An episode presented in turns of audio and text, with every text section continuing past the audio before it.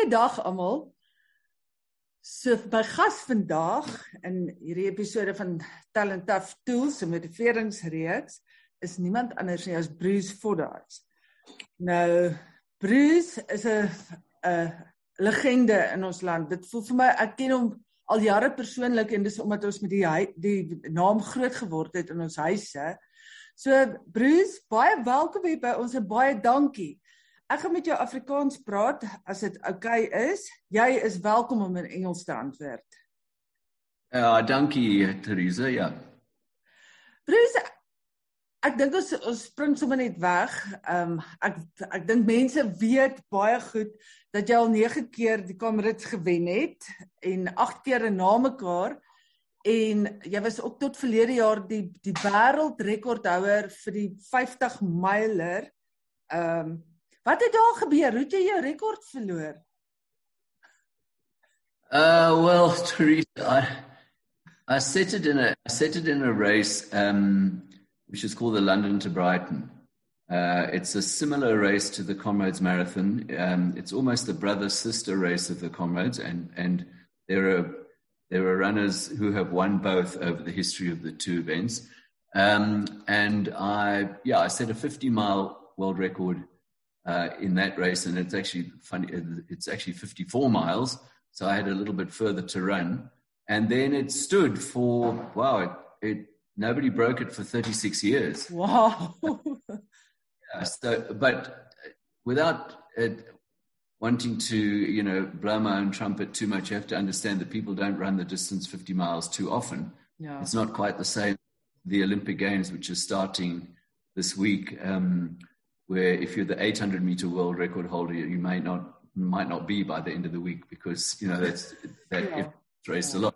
But then eventually, an American guy called Jim Walmsley um, beat my record by 13 seconds. Oh, Ach, so that's if I nothing. in Afrikaans, dit is die gesig van teleur. ja, dit lyk dit lyk lyk baie teleurstellend. Teleurgesteld. Bruce, um, ek het nou so 'n bietjie gaan gaan nalees oor die geskiedenis en ek sien jy's in 1955 in Hong Kong gebore. Ek dink nie almal weet dit nie. En ja. jy het op op 11 jarige ouderdom het jy Suid-Afrika toe geïmmigreer. Maar hoe hoe kom jy in Hong uh, Kong gebore? Ja, dis korrek. Um so my my grandfather was the postmaster of Lady Brand. Yeah. Um, and my father grew up there most of his life, and he said it was a fantastic place uh, to grow up, um, playing in the koppies and in the veld and whatever, fishing in the dams. Yeah. But when he got to his late teenage years and the hormones kicked in, he said, Is that it? I'm going to be stuck here for the rest of my life. Decided the way to the world was to join the army. And you could join the British Army in those days uh, and travel because we were part of the British Commonwealth, which, by the way, is the same now. So there are young women who actually joined the British Army now because we're part of the Commonwealth. Yeah. Um, and so he joined the British Army and he was posted to a regiment called the Gurkhas, and they were on duty in Hong Kong. Amazingly enough, keeping illegal Chinese out of Hong Kong, which was a British colony in those days. Yeah. So that was born there. And my sister, he was then posted to Singapore. My sister was born in Singapore. And then eventually we went back to the UK where he taught, he had become an expert in jungle warfare. Wow. And he taught jungle warfare at Sandhurst, which is the military academy for British soldiers. And then when he left the army, um, we returned to South Africa. Yeah. I had a couple of times back to visit my grandparents and that, so South Africa was always in my my heart, and so we returned permanently at that stage. En het jy al in Hong Kong begin hardloop? Was jy van vandat jy yeah. kon begin loop het al 'n hardloper? No, I was just three months old when I left Hong Kong, but I lived in the Far East for a long time. So mainly in what was then called Malaya. Now it's Malaysia. But and um, whenever we had school sports day, you know, athletics day, throughout my school career, I was always I was always good at athletics. Um, and the longer the, the race, the beter. the better. Yeah. So I wasn't very good at 100 meters. But if it was 1500 meters, then I would do well. Or school cross country. In my standard nine and my matric year, I won both years. I won our school cross country. But I have to point out, my school was full of, of artists and poets and, and creative people. So it wasn't a great achievement to Jy necessarily Ja, glad win. nie so nederig te wees nie. Yeah, yeah, yeah. Luister Bruce, ek weet in 1977 het jy jou eerste Comrades gehardloop. Yeah. En in daai Comrades het jy 43ste geëindig. Maar toe jy toe jy die eerste keer daar by die beginpunt gaan staan het, het dit by jou gedagtes opgekom, miskien kan ek eendag hierdie reis wen? Of was dit was dit nie eers iets waaraan jy gedink het nie? No, I didn't. Uh, not for one moment, Teresa, did I think I would win the comrades at my first year. Not your But- first, but eventually. Yeah, yeah, no, no. But even in that first one, Ja. I didn't think that one day I would win it. Um, because I was an hour behind Alan Robb, who finished an hour behind Alan Robb, who won that year. And to me, he was a, he was like a god. I mean, he was. I, I, used, I remember meeting him, and I stared at him. I was staring at him, trying to work out what has he got that he, what's so special about him that he. Um, but then what happened is I fell in love with the race because I did very, I did well for a, for a novice, for a beginner. And the second year I improved quite a lot. And then the third year of running, I decided, I wonder what happens if I try hard and I really train hard. And I finished third. And that was really for me the breakthrough year. 1979, I was third. And I saw, I, you know, I saw the winners and I was on the podium. So I was the bronze medalist Ja. was third, and I realized that I'm a I'm a just a little step away from being able to win it. And then I blew it the following year by coming second. That nobody's happy with finishing second, I promise you. Second, second. the words of Gerda Steyn, who's our, our delightful reigning comrades lady champion at the moment. She also finished second once, and she said to me, "Bruce, second sucks." Hey, I said, "Yeah, it does, Gerda." yeah. ja, en so in 1981 het jy jou heel eerste Comrades gewen. Yeah, yeah. Kan jy Bruce, kan jy nog steeds onthou hoe dit gevoel het toe jy daar oor daai eindstreep hardloop en jy weet, goed, hier is ek die wenner. Hoe voel dit? Of is It- jy te moeg? Look, I had uh, when you're talking to me, I'm getting goosebumps already. Goosebumps already because it is the most amazing feeling, and particularly um, if you have a if you have a good lead and you have some time in your head to get used to the fact that you're probably going to win. And listen, nobody will they cross the finish line because you can fall over, you can get cramps, but you kind of know. And so in 81, I had an eight minute, yeah, seven or eight minutes in the lead in the last few kilometers. Baie. And so unless unless you have a complete disaster, you're not going to get caught. Um, and so I had time to reflect on it. It's very emotional. It's uh, it's an incredible feeling. And if you're the winner, when you come into the stadium at the end, they give you a baton. It's like a relay baton that- they hand it to you, and you hold it in your hand. And in that baton is a rolled up message from the mayor of the of the city you left. So let's say the message from the mayor of Durban to the mayor of Pietermaritzburg, and you hold that baton and you carry it round, and they give it to the ladies now as well. Wow. Um, carry it round, and it's just a, a, such a special moment, a, a very very special moment to carry. And you also run a whole lap of this. You run a whole lap of the stadium at the end before you cross the finish line in front of all the crowds, and they're all cheering. So, yeah, I would sell my soul to be able to do it one more time, but unfortunately, I sold a long time. Ja wel, dit was so amazing dat jy dit toe nou nou sommer 8 keer daarna weer gedoen Ja. het en weer daai amazing gevoel ervaar het. Dit ja, dit is net ongelooflik. Yeah, it is a wonderful, wonderful honor. Bruce, ek weet ehm um, daardie jare was jy 'n groot aktivis gewees teen apartheid. Ja. En jy was altyd 'n baie baie groot ambassadeur vir Suid-Afrika gewees. Ek weet jy's baie lief vir die land en um, Ja, ja, ja, ek is baie lief vir South Africa and I've lived all over as you said in the introduction yeah. when we started lived all over the world. I went to school in England. I've been very fortunate and I've loved traveling and I love going. You know, nowadays I'm, because I'm a, like a, one of the old timers, I get asked to speak a lot. So I've yeah. been quite a few t- occasions to Australia, to America to speak about comrades and to run. Um, and I've loved it. I loved it. But every single time I know that my heart is here.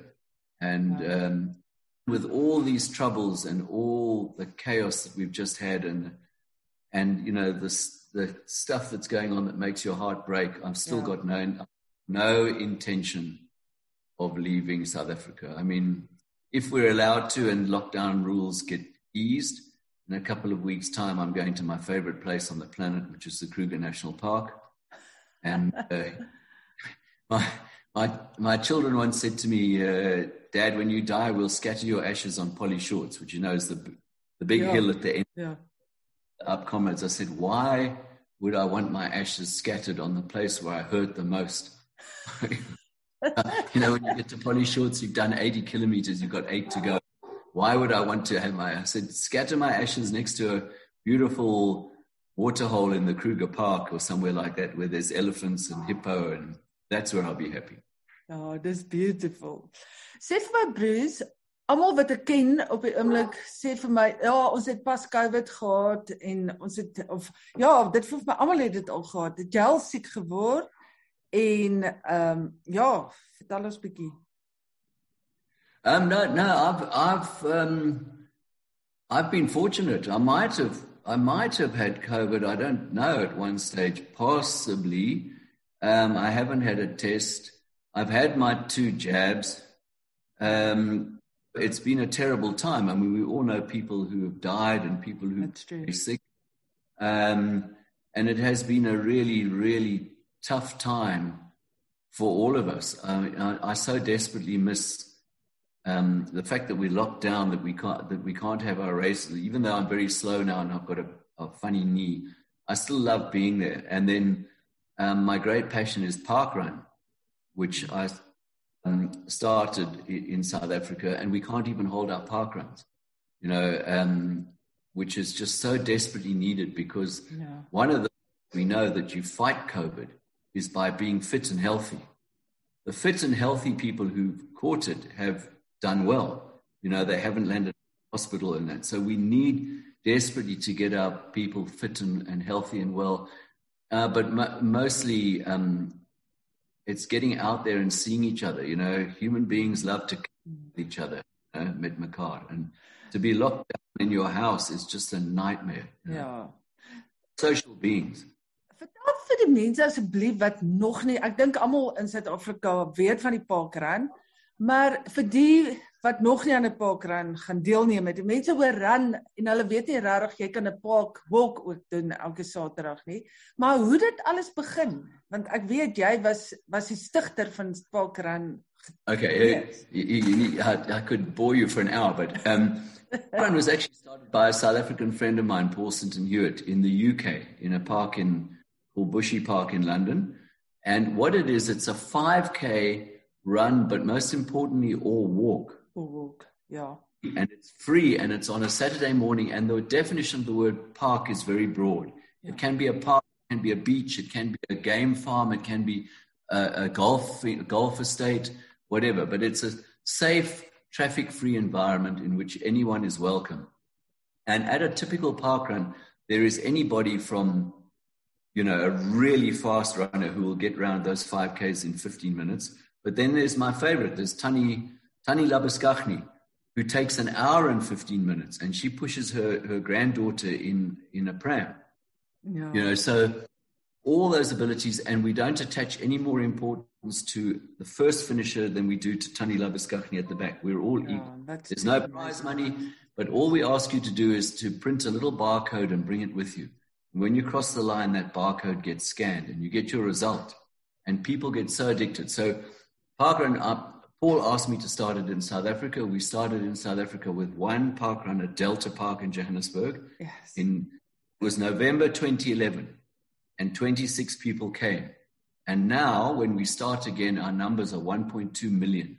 Oh, We are 1.2 million registered park runners, 220 events. And it's amazing you should ask me because I've just answered an email from the Department of Sport in the Free State. ja. And they us when COVID is over and we can start again, they want to roll out park runs throughout the Free State in all the communities everywhere. So parkrun will is set to explode. It's the most addictive thing I've ever seen in my life. It's about communities getting together and exercising at whatever their ability on a Saturday morning. Ek het al onderhoude gedoen met mense wat elke week van die een na die ander en hulle het soos 'n Ja.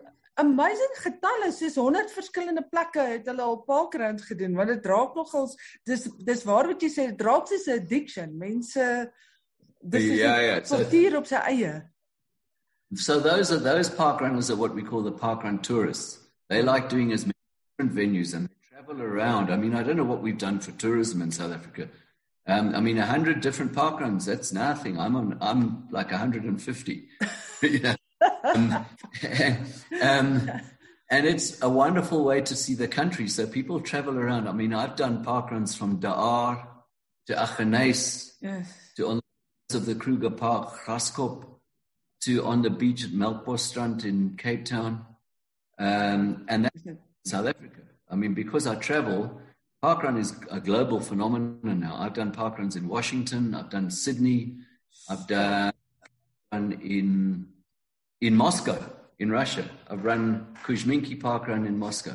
It's exactly the same. It's 5Ks free on a Saturday morning. Don't forget your barcode. It's completely amazing. There are 8 million parkrunners approximately in the world now. And, and we're small compared to where we'll be. Ja. Wel ek onthou 'n paar jaar gelede, seker so 3 jaar, 4 jaar gelede, het ek een keer by Delta Park en Yeah. en wie loop ek daar raak in Delta Park? Niemand anders as Bruce Fordyce en Zola Batney. Ek het nog 'n foto daarvan. Dit was so dit is my moment. ah, okay, yeah, yes. Zola, uh, her record might have been broken, but for a long time she was the female record holder at Delta Park Parker. Ja, Ehm, ja, en- ek ek moet sê ek het eers geweet julle gaan daar wees daai dag nie. Ek het net ek het Ah, yeah, yeah, we were there. She was out here for some for, for comrades or something like that. ja, So she ran, and she- of course she just absolutely slaughtered the the the, the course because she is, um, you know, she was twice world cross country champion. So you put her on Delta Yes. Park, that is cross country. Over five k's, you're not nobody's going to stay with her. I mean, she absolutely killed. Oh, that's funny. Bruce, almal vra vir my, maar wat doen Bruce Fordyce deesdae? Is jy afgetree? Het jy nog 'n day jobbie? Hardloop jy net die hele dag? Uh, No, so yeah, my day jobby is parkrun. Um, Yeah. But and I still run, but as I said, very slowly because my knees are a bit dicey nowadays. But I love um, in, a normal environment, in a non-COVID environment, I love doing the odd half marathon. Um, I'm a member of Team Vitality uh, in the in the road running sense, and if this was a normal year, I would be looking forward to with such excitement to the beginning of August is the Skukuza half marathon where you run 21 k's through the Kruger National Park. That's one of my favorites. Um, and then parkrun is taking up all our time, even though we're not, even though parkruns are not happening at the moment, doesn't mean we're not working on it. Ja. Um, and then I also, also again in a normal year, I do quite a lot of motivational speaking, and I do still they I still I've just answered an email. Bruce, please will you come to our golf day? We've got a whole lot of sports sportsmen coming along to a charity golf day. Please will you come along? Um, so those are the kinds of things. And then I also do a lot of writing. So I've just written a book for comrades novices for beginners um, called Winged Messenger, which sounds like a very title, but Winged Messenger is is taken from the comrades logo. And the comrades logo, the emblem on the medal is Hermes, who was the Greek god, who was the winged messenger of the gods. He brought the messages Oh, from the gods to to be yeah. So I called it winged messenger because that's what I think you become when you finish comrades because you bring a message to yourself that that you, you can do anything you, you want you want to. I mean comrades is is incredibly tough. So, And when you finish comrades, you have changed your life forever. So I've written that book for novices based on what I did for my first comrades because I knew I would lose my audience if I wrote about how to win comrades because, you know, the first, the first step to win is you have to choose your parents correctly. To- it's in the genetic. Yeah. Um, but I thought if I wrote about how I ran my first one and how I prepared for my first one, which was as a normal person, um, I would get a lot of interest. And I, and I have. And I've actually, I can't believe how people the book. I've had a lot of praise for it. So that got me all fired up. So now I've got to do the second one, second book. en waar gaan mense wanneer gaan ons die boek kan koop en waar? Um, it's in most of the, the books in most of the good bookshops. Um, and I- exclusives en daai. But what I also do is that I do um, talks. I do like uh, presentations to running clubs. Um, and again, two running clubs have just got hold of me, or when when we're allowed to, uh, Monument Running Club want me to come and give a presentation there and bring my books with me, and then I sign Ja, and I put personal messages in them. And another one, Run Zone, the Run Zone Club in the West Rand, they, they want me to come in September. So I do all the different running clubs as well, and that really works because I become I become the excuse to have a function. Bruce is coming in; he's going to give a talk, books, and he'll answer questions on comrades. And let's and by the way, we'll have a braai. That's the reason. As I said earlier, people, we are social animals and we need to be together. And this Yeah. lockdown isolation story has been the worst disaster for all of us. Ja. And so, excuse for people to get together. So as mense een van jou braais wil bywoon, waar hoe weet mense dit? Kyk, kan mens jou volg op Facebook of Twitter of Yeah, yeah, just get hold of me. Um, I mean, Bruce at brucefordyce.com. okay. So they, so the clubs organize the function. Some of them it's been a run, some of them it's been a, a pizzas in the evening at a restaurant. Some of them it's been a braai, and then I go along. And Ja. I do minutes talking about the book, but I do about another twenty minutes answering questions about questions and marathon questions that people have, and then it's a social. And I and if somebody wants to buy a book, they buy it, and I sign it for them, and it's been great fun. Uh, we obviously haven't been able to do it this last month. Ja. But I've had a, about six engagements in June, July. Not one of them has cancelled on me. They've all just moved Ja. to September, whatever, and, and we'll do it then. Ja, and let's hope it's it will happen then. Ah, Dis I'm, as I'm, I'm very optimistic. as jy vir mense vir die ouens ek weet dit is nou moeilik maar om jou boek in in 'n paar sinne op te som en vir ouens sê net maar ek sit hier en ek dink hmm, miskien wil ek eendag die Comrades hardloop en jy kan vir my net 'n paar tips gee wat sal dit wees From, from the book, a, a van of tips. as as jy Oh kan well, so my I write about it in the book. I write about it that I was an ordinary student at Wits University. Okay, so Yeah. and that's and what I'm saying to you is if you really want to do it, anybody can do it. You know, you can do it. And I've got in my book, I've got the training that I did, and I need to put it in the order of a list of priorities. You know, I was a student behaving like a normal student does, lots of partying, lots, lots of naughty behavior. oh, by the I, I, I did enough work. I'm, I'm certainly not ever going to uh, terrify any of the academics for my brilliance, but I did enough work to pass every term. ja And on the list of priorities was that, uh, by the way, I ran and I finished. Um, and so I would say to people, just just start. Uh, if you want a good guide, my book is a good guide. Um, and then join a running club because you have to be a member of a running club okay to? You've got to be a licensed registered runner. And then just believe in yourself and do it. And if you start now, comrades, next year is June. You've got more than enough time to get ready. okay And it's a very adventure to embark on because as you go, you get fitter and fitter. Yeah. And in my book, see how from beginning, my first run, by the way, was 10 minutes around the Wits rugby fields. Yeah. I ran for 10 around the Wits rugby fields. I did it at night because I didn't want anyone to see me because I knew that I had have to walk.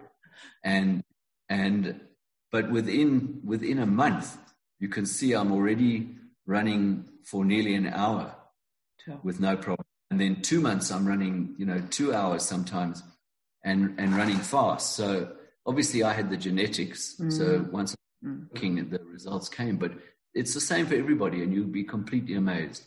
Yeah. How there you are one day and you, there you are as, as you suddenly realize I'm going into the entrance of the finished stadium of comrades. So, yeah. Then you start crying. maar ek gaan verseker jou boek lees al wil ek al het ek geen aspirasies om kom kom dit sterklik nie.